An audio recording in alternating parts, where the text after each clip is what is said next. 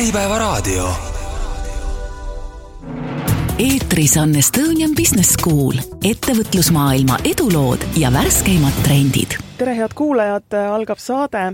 eetris on Estonian Business School tegemist on siis sellise saatega, mis nagu nimigi ütleb, seda toetab EBS ja siin me kajastame siis kooliga seotud valdkondi ja teemasid ning ähm, külas käivad meil ka siis EBS-iga seotud inimesed. ja tänase saate teema on noored ettevõtluses ja selleks ongi meil täna siis külas kaks väga ettevõtlikku noort üks nendest on Jürgen Jürgenson, kes õpib praegu EBS-is ja annab seal ka loenguid ning teine on siis tema Äh, võib siis öelda äripartner äh, Karel Nappus ja mina olen saatejuht Kadri Põlendik. ning äh, ma tahaksingi kohe, kuna ma tean, et teie mõlemi taust on äärmiselt huvitav ja te olete tegelikult üsna noorest peast juba hakanud usinalt ettevõtlusega tegelema, siis ma tahakski, et te kõigepealt räägiksite kuulajatele, et mis, mis, mis see teie taust on, et Jürgen, alustame sinust, et kui kaua sina oled juba ettevõtja olnud? tere, Kadri, see on hea küsimus ma arvan, et äh, esimene kokkupuude ettevõtlusega, kui võib seda nii, nii kutsuda, oli, oli kui ma kuskil teises klassis olin. tol hetkel oli nii minul kui ka Karelil ilmselt äh, mustvalge telefon ja toimus see vahetus, et äh, turule tulid värvilise ekraaniga telefonid ja, ja inimestel paratamatult meeldis mängida mänge, aga küsimus oli, kuidas mänge peale saada. ja, sel hetkel ma saingi aru, et eksisteerib niisugune asi nagu torrent ja äh, piraatimine ja, ja, ja, ja siis ma tegin selle asja selgeks ja hakkasin ise mänge laadima ja aitasin teistel mänge peale laadida ja kuna tol hetkel ei olnud võimalik kätte saada, siis see oligi nii-öelda nagu minu esimene ettevõtluskogemus, mis, mis läks päris hästi käima, algselt tegin ise, pärast õpetasin teisi tegema ja ega seal, seal siis kõik oli mingi raha ka mängus või? küsisid sõpradelt, et anna mulle natuke ja siis? jah, täpselt nii, et mingi hetk ma sain aru, et ma ise ei jõudnud enam teha ja siis ma andsin, andsin teistele, teised andsid mulle komisjonitasu ja, ja nii see nagu asi liiklus. mis, mis summadest me siis räägime seal, et kui, mis, mis, kui palju sa tol ajal siis selle nii-öelda ettevõtlusega tegel-, teenisid? Ehm, ma mäletan seda, et ma käisin üle päeva, ostsin loteriipileti ja, ja energiajoogi. ja, ja, ja mul kuidagi loteriiga ka vedas ja siis see loterii maksis viis krooni ja seal üks noh, mingi üle, üle kahe, üle kahe loterii mul kuidagi läks ja tegin viiest kroonist tavaliselt kakskümmend krooni ehm,. palju nädalas teenisin kokku? umbes sada, kakssada krooni, ma arvan, aga tol hetkel see oli täitsa, täitsa nagu tore raha. mis aastast me räägime siis? me räägime mingist kaks tuhat viis või kaks tuhat kuus või? või kui päris ammu? ma just tahtsin öelda, et tegelikult ammu, aga, nii ammu aga, ka ei olnud, aga. mitte nii ammu ka ei olnud või? ei olnud? no kolmteist aastat Te... tagasi kuskil nii, jah? jah, umbes nii, kolmteist aastat tagasi väga lahe. ja praegu oled sa siis kui vana? Äh, kakskümmend. ehk siis kahekümne aastane inimene on meil stuudios, kes on tegelenud kolmteist aastat ettevõtlusega võimas.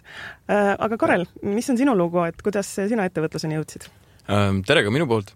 minu äh, ettevõtlusmaastiku sammud on tegelikult selles mõttes väga üllatavalt minu, mulle endale üllatavalt kuidagi jõudnud minuni. mu mu esimene kogemus oli ka veits sarnane Jürgenile, et ma müüsin kuueaastasena ma mäletan, ma olin enda, enda, enda koduhoovis Haapsalus ja mu ema koristas meie baarikappi, kus oli selline suuremat sorti karp, kaeraküpsiseid. ta ütles, et näe, Karel, et äh, need, äh, need hakkavad, need jäävad muidu vanaks, et need tuleb ära süüa. siis ta andis mulle selle karbi, läks ise tuppa edasi koristama. ja ma läksin selle karbiga tänavale. istusin, tšellisin seal kui tulid inimesed, siis ma olin nagu, tere, kas te kaeraküpsiseid soovite osta? siis ma müüsin ühe krooni eest äh, ühe küpsise. ja siis äh, ühel hetkel mu ema äh, aknast nägi, kuidas mingi tädikene oli parasjagu minu juures ja tegi enda rahakotti lahti ja arveldas seal minuga. mu ema jooksis sinna, oli nagu appi, Karel, mida sa teed, lõpeta ära ja selles mõttes, et väga huvitav, et mu vanematel sellist nagu ettevõtluskallakut äh, absoluutselt ei ole olnud aga siis äh, selline tõsisem kokkupuude ettevõtlusega tekkis mul gümnaasiumis, kui ma läksin äh, majandussuunda, kuhu ma läksin tõesti täiesti, täiesti lampi. Ähm, ja, ja kohtusin seal äh, ühe sellise inimesega nagu Markus Lember, kellega tänapäeval me koos Jürgeniga teeme päris tihedalt koos tööd ja koos äri ja siis koos äh, Markusega hakkasid vaikselt asjad kuidagi üliloomulikult selle ettevõtluse poole liikuma, et kõigepealt me tegime ühe heategevusfestivali. ja siis ma sain aru, et, et selline äh, ürituste korraldamine ei ole kindlasti minu meepott um,. peale mida me tegime sellise asja nagu e-muusikakool, mis oli siis äh, õpilasfirmade raames. ja, ja sealt edasi me mõlemad sattusime Jürgeniga õpilas, äh, peale õpilasfirmade konkursit sattusime ajujahi võistlustulle.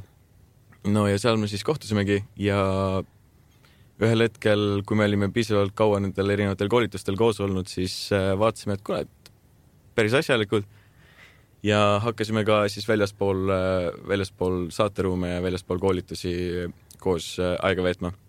ja kui me Markusega kolisime Tartusse, et seal ülikooli minna, siis uus linn, väga palju tuttavaid ega sõpra seal ei olnud, siis Jürgen oli üks meie sellistest kontaktpindadest, kellega me tihedamini suhtlesime ja siis oli ka kuidagi üliloomulik see, et me hakkasime koos äh, äritegevust korraldama. ja kui vana sina praegu oled?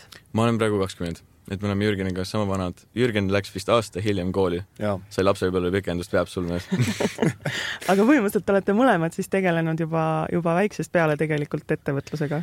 no ma ei, ma arvan, et selle, selle kohta, et keegi üritab äh, pooleli, poolenisti vanaks läinud küpsiseid maha müüa tänaval ja see, et keegi üritab äh, piraditud äh, mobiilimänge teistele lastele maha müüa, et seda ei saa vist päris ettevõtluseks kutsuda, aga selles mõttes selline kiiks või äh, või kallak on olnud sees? nojah, selles mõttes, et eh, ma ei tea väga palju, kui ma mõtlen ka oma lapsepõlve peale, ma ei tea väga palju selliseid kuue-seitsmeaastaseid lapsi, kes mõtleks, et kuidas saaks raha teenida, eks, et et seal ikkagi peab olema mingisugune teistmoodi pisik sees.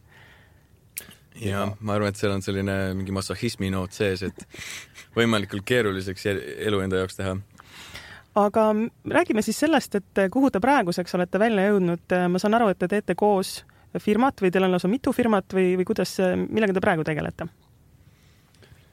no kõige suurema aja meil ilmselt täna Kareliga võtab arendusettevõtte Levercode äh, äh, ehitamine. Ja, ja teine asi on, on, on siis loovagentuur Siil, mis me, mis me koos äh,, koos Kareli, Markuse, Mikko, Jakobi ähm, püht püsti panime. et see on meil nagu teine asi, mis meilt võtab suurt osa ajast Karel on väga hea kasutajakogemuse äh, disainer, UX, UI, UX, UI äh, disainer ja läbimõtleja ja mitte ainult siis kui disainer, vaid kui ikkagi ka äh, ärimees, ehk siis. ehk siis Jürgen ajab seda liiga keeruliseks, ma teen kasti ilusaks ja, ja teen kindlaks selle, et inimestele oleks need ilusad kastid meeldivas kohas. mida see siis täpsemalt ikkagi tähendab, et? see tähendab seda, et sul on näiteks mingisugune e-pood või, või mobiilrakendus ja kui sa selle kui sa selle kasutajana lahti võtad, siis et äh, kõik äh, paigutused ja kõik sisuhaldus oleks kasutajale või võimalikult mugavaks tehtuks ja võimalikult äh, loogilise paigutusega. ja see teie agentuur siis pakubki sellist teenust? meie agentuur, seda ka, aga hetkel me siis nagu Jürgen ütles, me toimetame sellise ettevõtte raames nagu Levercode, mis ongi täiesti arendusettevõte ja siis meie enda alustatud on selline asi nagu Seal Agency kus me siis pakume erinevaid äh, loovagentuuri äh, teenuseid ja lahendusi äh,. Varieeruvalt siis sellele, et äh, sellest, et me teeme näiteks, aitame kellelgi äh, disainida pusasi kuni äh, täiesti nagu äh, täisbrandeeringu lahendusteni välja. mis sõnu kasutada, mis värve, mis värvidega, kuidas mingeid sõnu välja öelda äh,, kuidas head teksti luua, et see inimestele meeldiks äh,, videod äh,, pildid, veebid kogu selline loov, loovteema jääb siis siili alla ja siis sellised igapäevased äh, leiva teenimise asjad jäävad siis Levercode'i alla. et Levercode'iga on tegelikult naljakas asi, et äh, Levercode sai üldse läbi äh, siili alguse, et äh, nad pöördusid siili poole, et neil oleks äh, tahtmine sellist asja teha, tahavad endale brändingut, täis laks ja pöördusidki siis siili poole, kus siis meie mõtlesime neile välja nende sellise kuvandi, nime esialgsed äh, visuaalid ja kõik sellised asjad. ehk siis teie ise, mul tekkiski segadus, et kas te ise olete siis selle Levercode'iga nagu ka äh, tegijad või, või te kuidagi liitusite mingi meeskonnaga? põhimõtteliselt me mõlemad liitusime tegelikult meeskonnaga, et no. Äh, see, see oli naljakas, et nad võtsid lihtsalt nagu käest kinni, et kuulge, kutid, teete head tööd, aga miks te meile ei tule ja no. siis äh, tekkiski selline võimalus jah, noh, mina täna, täna juhatan nii-öelda vägesid Evercode'is, vaatan, et äh, projektid oleksid korras. aga see, kuidas Karel Evercode'i sattus, see oli teine lugu, sest Karel tegelikult elas kuu aega tagasi veel Tartus ja, ja, ja, ja siis ma helistasin Kalerile, et Karel, kuule, ole hea äh,, tule paariks päevaks appi meile siis nahaalselt sai paarist päevast see, et ta kirjutas oma ülemusele, et äh, Karel jääb kahekümne neljandani Tallinna. me räägime siis sellest, et oli teine veebruar. ma mõtlesin, et noh, teeme proovi. Äh, ja siis sellest kuidagi kujunes välja see, et ma võtsin äh, Tartu Ülikoolist akadeemilise puhkuse ja kolisin Tallinna ja täna töötan täiskohaga seal no vot, kooli on nüüd üks küsimus, milleni ma tahtsin ka jõuda, et te mõlemad tegelete äh, põhimõtteliselt kahe ettevõttega, mis on iseenesest juba, iga ettevõtja teab, et see on juba korralik äh, ajakulu. aga samas, äh, Jürgen, sina käid EBS-is koolis, sa õpetad seal, Karel, ma saan aru, on ka Tartu Ülikoolis ikkagi tudeng ei, ma tegelikult võtsin akadeemilise puhkuse, sest et lisaks aga sa oled neil ikkagi hingekirjas selles mõttes äh,? pausi peal hingekirjas. jah ja., et, et kuidas see kooli ja ettevõtluse miksimine nagu töötab? ega seda, kui ausalt olla, siis äh, nagu Karel ennist ütles, peab ikka korralik enese, enesepiina olema, et sellist asja teha. Et äh, see nagu kõige lihtsam, äh, lihtsam versioon enda elu elada ei ole. päevas on kakskümmend neli tundi ja, ja ikkagi kogu aeg pidevalt nagu kuusteist, seitseteist tundi elada, siis peab ikka väga tunnetama enda enese seest, et äh, kus see nagu piir, piir on, et et ei läheks, ei, põleks läbi. Samas meeletult põnev, meeletult huvitav ja, ja ma kuidagi saan endale seda aega juurde võtta, sest sellise baasettevõtluskoge-, baasettevõtlusteadmised sain ma läbi kogemuse, ma olin sunnitud õppima, ma olin nagu vette visatud kogu aeg ja ja ma pidin neid asju lihtsalt teadmisi immutama ja nüüd on täna, täna on see hetk, kus natuke on nagu tehtud Äh, ja, ja hea on kogemusest rääkida ja, ja õpetada ja, ja kuidagi läbi selle ise õppida. et annan, annan ettevõtlustunde, annan, annan müügitunde, aitan turgu planeerida, aitan äh, aru saada, kes on klient ja, ja sellise, sellist tüüpi loenguid annan. ehk siis kuidas olla ettevõtja, kuidas enda strateegiat paika panna, mis tüüpi selline, mul on üks, mida ma õpetan nagu merestrateegiat, kuidas seda õiget merd valida ja kus enda, enda tegemistega segelda aga kuidas juhtus see, et üks äh, kahekümne aastane äh, noormees on nüüd siis õppejõud? no ma arvan, et kui keegi on saanud nii palju äh, teleekraani ettevõtlusteemadel, siis pole vist, pole vist keeruline sellist positsiooni endale saada. Et Jürgenil omajagu on kogemust ka selles valdkonnas, et äh... täpselt nii, Karel, et äh, koos sinuga oleme võistlenud ja tegutsenud ja see on nagu korrastanud ma arvan, et pigem ongi see, et, et ma nagu igapäevaselt olen juba mõnda aega nagu vaeva näinud sellega, et, et see on nagu see valdkond, mis mulle meeldib ja ma tahan tegutseda selles, saada selles nagu parimaks number üheks. ja nagu see on nagu sundinud mind iga päev voodist välja nagu õppima, lugema ja, ja tegutsema. sest ega ettevõttes midagi muud polegi kui see, et väga paljud lihtsalt ajavad sellist mulli kokku, et unistavad, et tahaks midagi teha toredat, aga siis on väga vähe neid, kes päriselt lähevad välja äh,, kohtuvad kliendiga või toovad mingi asja koju ja, ja ainult läbi nii, nagu see ettevõtlus toimida saabki. ma arvan, et äh, üks hästi oluline aspekt, mis sa jätad mainimata tegelikult, äh, mis on ka veits seotud sellega, et kuidas, äh, kuidas me mõlemad Levercode'i sattusime, kuidas sa EBS-i loenguid sattusid andma, on ikkagi see, et Eestis käib jube palju äri puhtalt läbi kontaktide. Et enda tutvusringkonnad on asjad, mida eestlased väga tugevalt hoiavad, väga tugevalt nagu kaitsevad, et kui sa oled oma inimene siis sind rakendatakse, sind väärtustatakse, kui sa ja, ja nendesse võrkudesse sellises, selles mõttes on pigem keeruline saada tegelikult. millise inimese saamine siis oma sellisesse tutvusringkonda oli teil selline läbimurre?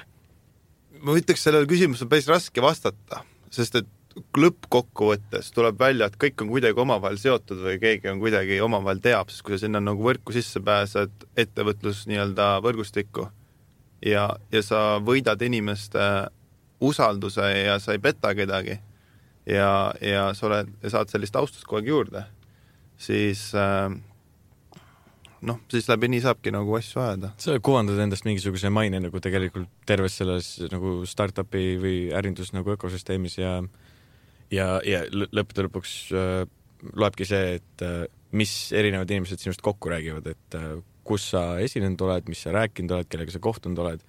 et kui keegi mainib sinu ettevõtet, ja keegi ütleb lauast, et aa, ma tean seda tüüpi, kes seda ajab, ülinormaalne vend, siis äh, igatahes on palju tõenäolisem see, et keegi siis ostab sinu käest teenust või usaldab midagi nii tähtsat sinu kätte nagu enda brändi või, või visu-, visuaalse identiteedi loomise näiteks, kui me räägime puhtalt nagu Siili kontekstis.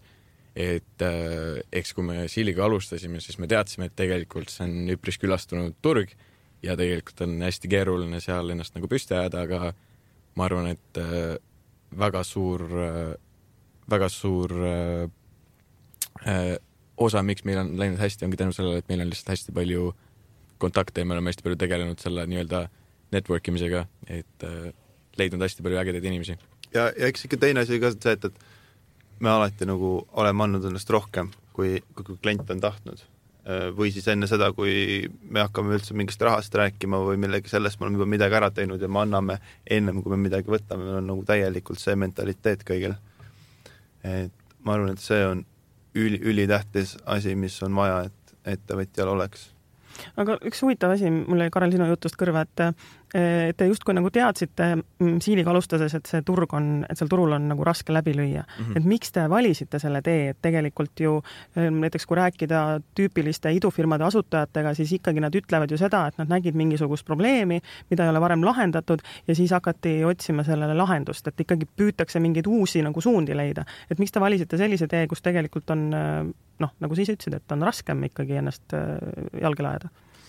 ma nagu ma ütlesin, massohhism on äh, kuidagi hinges sees, aga tegelikult on asi selles, et äh, mina ja Markus äh, juba tegime mõnda aega, teenisime sellega leiba, et me tegime veebilehti ja selliseid pigem algelisi asju.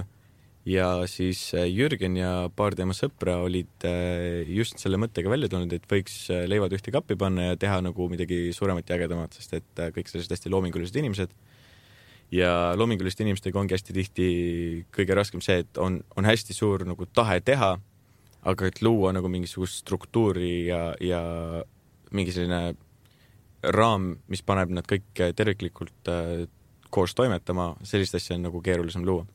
või et nagu, et sellist ei juhtu tihtipeale.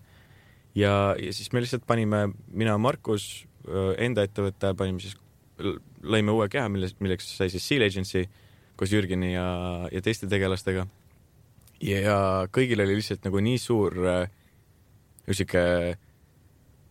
tahe lihtsalt luua midagi ägedat, et äh, ma arvan, et puhtalt selle, puhtalt selle eneseteostusvajaduse pealt on, on, on tekkinud meil paar päris, tõesti päris ägedat projekti, mis äh, ma ei ütleks kindlasti, et et me teeme midagi üleliiast, üleliia innovatiivset või midagi sellist, aga me, meile meeldib see, mis me teeme ja kui me midagi teeme, siis me tõesti panustame sellesse ja see on ühtlasi, on eneseteostusviis kui ka siis äh, viis leiba teenida. võib-olla ma mõtlesin sellele, selle asjale lisada, et et noh, meil, meil ometigi mõlemas on täitsa startup'i hing sees ja, ja ütleks, et see sellist, luua midagi täiesti uut, mida ei eksisteeri äh, ja lahendada mingeid väga suuri probleeme ära. Äh, loovagentuuriga me toetame väga palju startup'e enda, enda tegemistes, aitame nende brändile, enda kuvandile kaasa, aga eks me ise oleme tegelikult kogu aeg äh, selliseid idudes, me ei ole kuskilt ühestki idufirmast ära kadunud, me oleme tegelikult ise ka sees olnud, noh, sina oled enda poes koju projekte ajanud, eks ju. ja, ja mina olen aidanud näiteks õpetajatele mõeldud rakendusi arendada ja, ja nüüd kuidagi oleme jõudnud üldse fintech sektorisse ja krüptomaailmasse ja ja, ja sellise, sellist tüüpi arendust tegema, mis on täiesti et ühesõnaga tegelikult meil on äh, lihtsalt hästi suur selline nagu drive luua, teha midagi. ehk siis tegelikult oma ettevõtete kaudu te sisuliselt puutute nagu ikkagi hästi erinevate valdkondadega kokku. ja, ja, ja, ja see on tegelikult hästi hea, sest et mina isiklikult äh, olen äh, hästi selline püsimatu inimene et äh, teha midagi, mis on väga selline korduv ja üksluine, on minu jaoks äh, selline surm. et äh, see on tegelikult ülihea viis, kuidas teha midagi. fakt on see, et me teeme täna midagi, mis meile mõlemale hullult meeldib, mis toob leiva lauale, saab sinki ka peale panna heal päeval ja, ja arenemisvõimalusi on tegelikult nagu on. et siin ei, kui sa ise oled nõus pingutama ja arenema kõrvalt juurde lugema, vaatama mingeid kursuseid, siis tegelikult nagu sul on kõik maailma uksed avatud. no ütleme, ettevõtjad, sellised äh, klassikalised äh, vanakooli ettevõtjad ikkagi ju äh, vaatavad ettevõtte edukust selle järgi, millised on tema finantsnäitajad, et ma saan aru, et teie puhul sellist entusiasmi on, on väga palju, aga, aga kui me räägime nüüd sellest, kuidas nendel teie ettevõtetel läheb, siis kui kasumlikud te olete? no rääkides Levercodist, siis äh, kuu aega tagasi oli meil veid neli, viis, täna on kakskümmend neli äh, iga kuu võtame, see kuu tuleb ka umbes circa veel kaheksa inimest veel juurde, et me kasvame meeletult kiire tempoga ja, ja sellest arendusettevõttest on meil plaanis ehitada selle territooriumi ikkagi üks, üks suurimaid, üks suurimaid äh, IT-ettevõtteid, mis on. et äh, see võib natuke kõlada veel hulluna. Ei no eks näis. aga eks näis, eks näis, mis saab nende tegemistega. selles mõttes, kui äh, sihi võib ju kõrgele panna, eks siis näib, näis, kus, äh, kus me nagu maandume. aga Seal Agency, kuidas sellel? Sealil äh, tegelikult läheb selles mõttes hästi, et meil tuleb sellise stabiilse vooga äh, päris huvitavaid projekte, mida me siis vahelduva tempoga, et vahepeal on tõesti see, et on päris hull ja et peame inimestele ära ütlema, et ei jõua sisse võtta ja siis vahepeal on jälle rahulikum periood. aga kui nüüd veel Levercode'ist rääkida, et kus te oma turgu näete praegu näiteks? et Levercode'il on tegelikult äh, on hästi palju erinevaid lahendusi, mis meil praegu parasjagu Levercode'is arendusel on, et äh, need on kõik suunatud pigem äh, Euroopast äh, väljaspoole äh,, Lõuna-Ameerikasse, Aafrikasse ja, ja Aasia maadesse. et äh, sellest ei saa veel tänapäeval kuigi palju rääkida, aga seal on äh, päris palju põnevaid projekte, mille, millest me loodame, et äh, saab asja. et äh, varsti on teilt siis varsti on palju uudiseid oodata teilt. võib ka nii jah, ilmselt aasta jooksul suudame. jätkub saade, eetris on Estonian Business School, kus täna on teemaks noored ettevõtluses. meil on stuudios külas kaks kahekümneaastast ettevõtjat. Jürgen Jürgenson, kes on siis ähm, EBS-is tudeng ja õppejõud ning teeb siis koos ähm, kahte ettevõtet Karel Nappusega, kes on meil samuti täna stuudios. ja me rääkisime nüüd eelmise saate poole lõpus sellest, mismoodi nende firmadel Levercode'il ja Seal Agency'l läheb. Jürgen, sa mainisid saadet ette valmistades seda, et sa õpid EBS-is ja sa teed kolme aastat korraga. mida see tähendab? see tähendab seda, et ma hakkasin sügisel pihta esimesel kursusel rahvusvahelises ärijuhtimises ja, ja siis ma sain mingi hetk aru, et tegelikult võiks nagu tempot tõsta, võiks ülikooli kiiremini ära lõpetada, et äh, tahaks nii-öelda sellist täielikku, täielikku vabadust. ja, ja siis ma otsustasingi, et kevadel ma võtan teisest, kolmandast aastast ka esimesel aastal kursuse juurde ja, ja natuke selle tulemusel pean ma võtma ka õhtuõppest aineid ja siis kaugõppest aineid ja sisuliselt ma olen äh, kõikidel kursustel kuskil kirjas, hinge nimekirjas. Ja, ja niimoodi kombineerides siis äh, õnnestub, õnnestub jah ülikool natuke kiiremini ära lõpetada ehk siis äh, tegelikult üks asi, mida sa võiksid ka osata inimestele hästi õpetada, on aja planeerimist, et kuidas jõuda õppida kolmel äh, aastal korraga, anda samal ajal loenguid ja samal ajal tegeleda kahe ettevõttega. jaa, aja planeerimine on üks suur topik, mida ma olen päris pikalt uurinud ja, ja... ei, see on tegelikult, see on tegelikult päris lihtne, see on see, et sa ei maga see ei tundu olevat kuigi jätkusuutlik. ei, see on see absoluutselt ei ole jätkusuutlik, aga kui sul on nagu mingisugused kiired perioodid, kus on äh, vaja mingid kriitilised asjad ära teha, siis äh,, siis niisugune äh, kolm tundi und on juba niisugune luksus äh, noh, selles suhtes, et ega seda aja planeerimist tulebki siis nii teha, et sa pead nagu arvestama ja saama enda nii-öelda energiast aru, mis mul nagu hästi tähtis on, et et äh, kuna sa saad seda lubada, kuna sul energia nagu otsa, sa võib saada tunnetada, endast aru saada äh,, Äh, millal päeval sa oled kõige efektiivsem ja siis paigutada neid tegevusi õigesti aga kuidas te lõõgastute, et teil on väga, ilmselgelt väga pingelised äh, päevad, et äh, kas teil on ka mingeid selliseid hetki, kus noh, ma eeldan, et teil ikkagi peab olema hetki, kus te saate korraks hinge tõmmata, et mismoodi te seda teete um,? ma arvan, et trenni tegemine on üks kõige paremaid viise, kuidas pingeid vabastada, et lihtsalt see, et sa lähed jõusaali ja elad seal ennast äh, füüsiliselt välja, et see on üks kõige paremaid, äh, kõige paremaid optsioone minu meelest.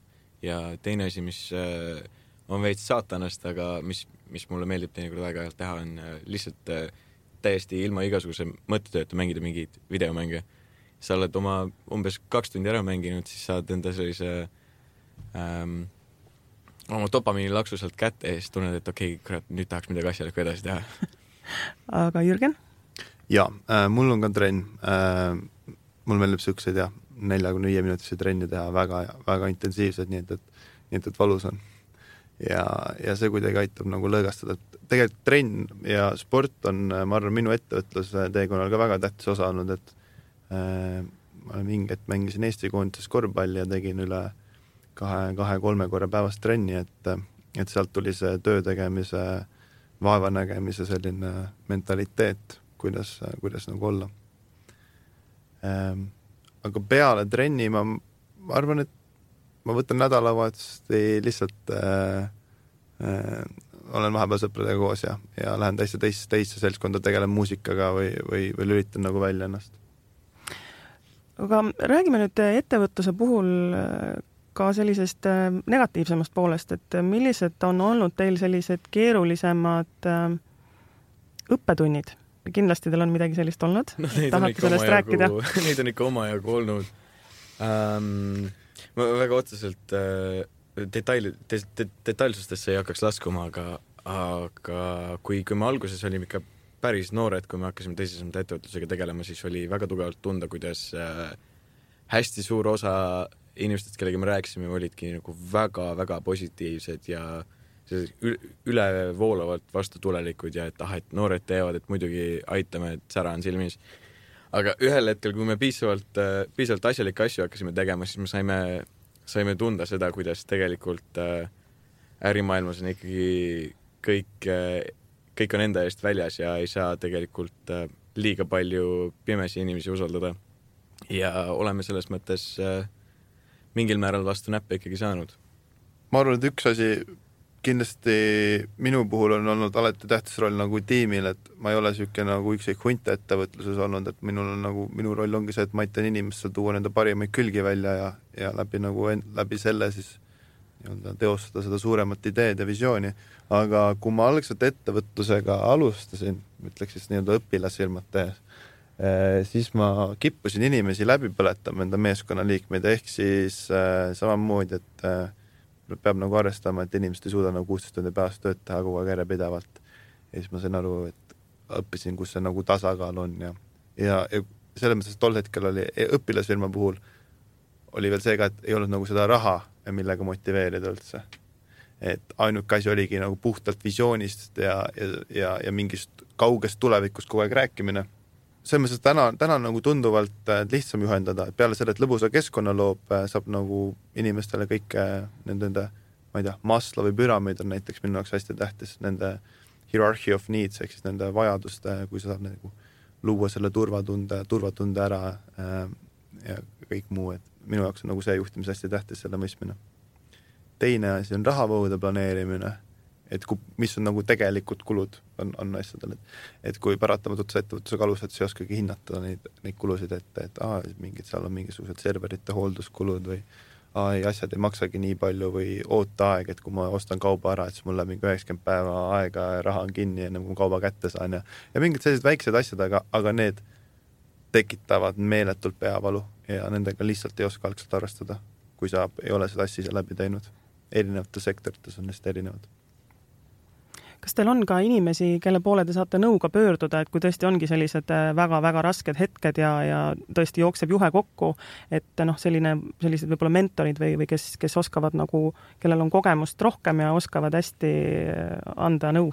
jaa, et äh, tegelikult kui, kui ma Markusega tegin e-muusikakooli, siis see oli üks meie esimestest nagu, nagu tõsiseltvõetavaid ärisid, mis nagu päriselt teenis ka ja, ja siis äh, Jürg, äh, Markus pöördus äh, sellise ettevõtte poole nagu Convertal, mis tegeleb siis online turundusega.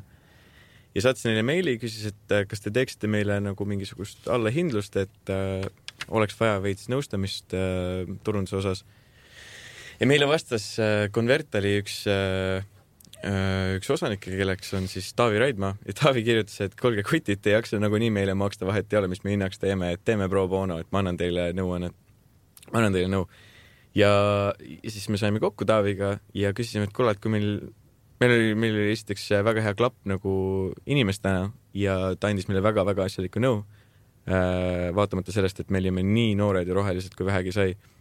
ta oli meiega hästi kannatlik, ta andis meile väga-väga asjalikku nõu ja sellest ajast saati ta on meile sellist igapäevast ärinõustamist ja nagu know-how'i pakkunud nii, kuidas ta ise teab ja kui ta ei ole ise osanud, siis ta on äh, aidanud päris tihti ka meil äh, leida inimesi, kes äh, oskaksid vastata. üks inimestest, kes, kes ma tunnen, et on veel nagu oma nõuandega väga suurt rolli mänginud, on Sten Tamkivi, kes on ettevõtjana nagu väga vilunud ja tema, temaga rääkimine on, on ka kuidagi aidanud mõttemaailmas asju edasi liigutada, et hästi lahe inimene Jürgen, on sinul ka mingisuguseid äh, nii-öelda mentoreid, kelle poole sa saad pöörduda häda korral? jaa, äh, tegelikult eks nendest on terve selline set, aga võib-olla kui mitte nii-öelda füüsilisest mentoritest rääkida, siis üks, ühed mentorid, kelle poole nagu alati tore pöörduda, on nagu raamatute autorid ja, ja, ja tegelikult raamatud võivad ka vabalt olla sinu nagu mentorid. Äh, kui ei ole mingi topiku ja mingi, mingiga just sul nagu olemas, kelle poole pöörduda, aga kui rääkides inimestest, siis äh, Jutta Kulberg, Reigo Kuivägi, kes siis nagu nii-öelda mu esimesele päris ettevõttele väga palju meeletult kaasa aitasid Tartus. Ja rääkides mingitest tootmistest äh,, tootmisplaneerimisest, siis äh, siis äh, näiteks Ants, Ants Vihmand äh, näiteks Amelini tööstusest on mulle väga palju selle koha pealt õpetanud, kuidas sõjaväetööstus töötab, kuidas äh, suurtes kogustes, väga suurtes kogustes nagu hanked, hangete käimine käib, võitmine. Neid mentoreid on tegelikult meeletult palju, et tihtipeale on üleüldse mingisugune mõnus startup üritus koos, kus läheb kellegiga pikemaks jutuajamiseks ja, ja siis sa lihtsalt õhtul räägidki mingi kaks-kolm-neli tundi, viis tundi, mõlemal on täiesti planeerimata äh, mingisuguse tipp, tipp, tipp, tipp nagu juhendajaga ja kes jagab sulle oma kogemust. tegelikult see on, see on tegelikult üliäge, et kui sa lähed, käidki nendele nagu startup'i üritustele, siis sul on siuksed särtsakad inimesed, kellel on nagu sihuke sära silmis ja, ja sa lihtsalt räägidki nendega ja nad võib-olla ei ole nagu mingid öö, väga kick-ass äritüübid, aga nagu sa põrgatad nendega oma mõtteid, sa räägid nende kogemustest ja nagu igal inimesel, kellega sa kohtud, on sulle mingit uut perspektiivi pakkuda, mis kuidagi elandab sinu, elandab sinu enda oma. see on alati hästi tervitatav kohtuda ägedate inimestega mm. -hmm. kas Eestis on ka mõni, mm, kas siis startup või selline traditsioonilisem ettevõte, kelle lugu te imetlete või vaatate, et vau, et, et nad on ikka nii hea asja ära teinud? ma peaks ütlema, et mulle kuidagi sümpatiseerib eriti äh, Taxify ja TransferWise. Taxify üldiselt nende kogu loo, loo põhjal ja see, kuidas nad äh, alust-, kuidas äh, omanikud alustades käisidki mööda taksos ringi ja presenteerisid oma mõtteid, et minu meelest see on nagu täiesti selline raamatu järgi nagu kuidas asjad peaksid käima, et sa lähed oma klientide juurde ja uurid nende probleemi kohta ja selline väga konkreetne, väga, väga äge lähenemine. ja siis teine, mis mulle võib-olla eriti kuidagi südamelähedane, on TransferWise. ja ma ei oskagi täpselt öelda, miks, aga lihtsalt ma olen kohtunud päris mitmete TransferWise'i töötajatega ja, ja kuidagi nende attitude on minu meelest või nagu nende suhtumine nende protsessi on kuidagi minu meelest väga õige ja, ja see, kuidas nad alguses enda PR-i tegid, äh, see kuidagi avaldas mulle muljet. sa, sa vist tegelikult küsisid klassikaliste ettevõtete osas? no emb-kumb. okei okay,, emb-kumb.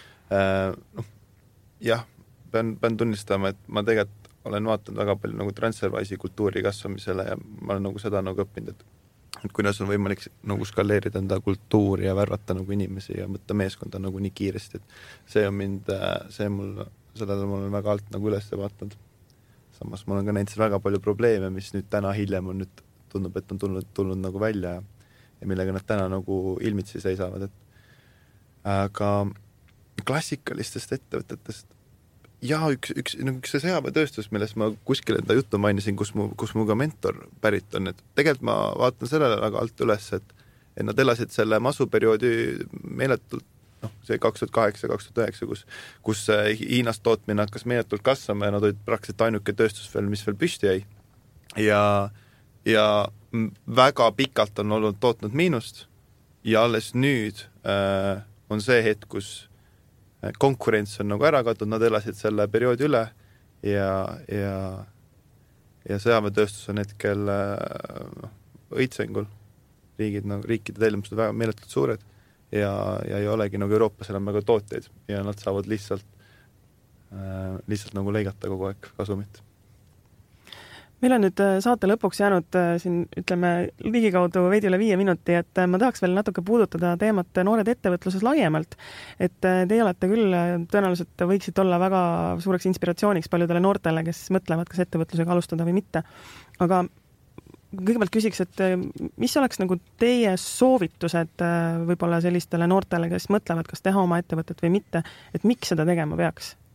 kuidas julgustada noori tegelema ettevõtlusega? Karel, miks sa siis ettevõtja oled ikkagi? mis see lõbus asi selle asja juures on, et peale nende magamata ööde juures? ma arvan, et kuidagi selline sisemine tahe teha lihtsalt midagi, midagi suuremat ja ma isegi ei oska defineerida, et mis mõttes suuremat, aga lihtsalt see, et sa tahad, sa tunned, et sa tahaks nagu mingit asja ajada. ja sealt edasi, et, et see ei oleks lihtsalt asjaajamine, vaid et see pakuks kellelegi mingit väärtust, et sa jõuaksid sellega kuhugi, et sinust jääks mingisugune äh, märk maha, kas siis sellel kujul, et sa oled kellegi elu paremaks teinud, äh, ma tean, see kõlab kõik väga, väga cheesy'lt, aga selles mõttes, et kas sa, kas sa nagu pakud kellelegi mingit toodet või teenust, mis nagu teeb nende elu mugavamaks või mõnusaks. see on hullult hea tunne, kui sulle kirjutavad kliendid ja ütlevad, et kuulge, et teete väga ägedat asja. ja, ja, ja ma arvan, et see tunne pluss siis lihtsalt ongi see eneseteostus ja ega kui me alguses alustasime enda ettevõtlustegevust, siis äh, need suured dollarimärgid jäid nagu väga-väga kaugele aga ometi me tahtsime ikkagi seda edasi teha. ma arvan, et see ongi puhtalt lihtsalt selline sisemine vajadus ennast kuidagi teostada ja midagi luua.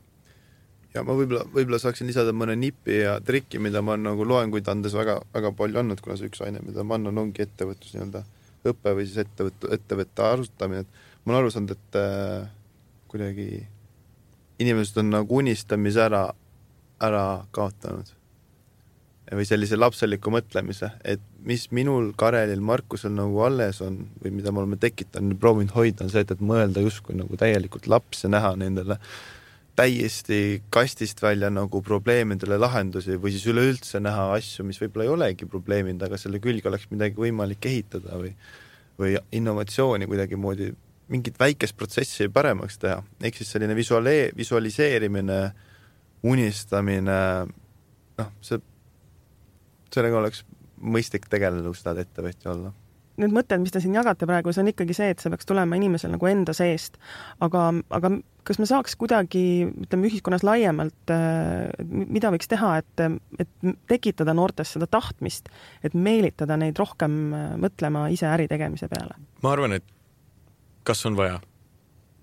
ma arvan, et ei ole vaja. ma arvan, et kui äh, ma arvan, et kui me loome sellise keskkonna, kus on, kus on väga vabalt kättesaadavad võimalused tegeleda selliste asjadega, et sul on noorena võimalik saada nõu ja, ja teadmisi, see on, see on super hea.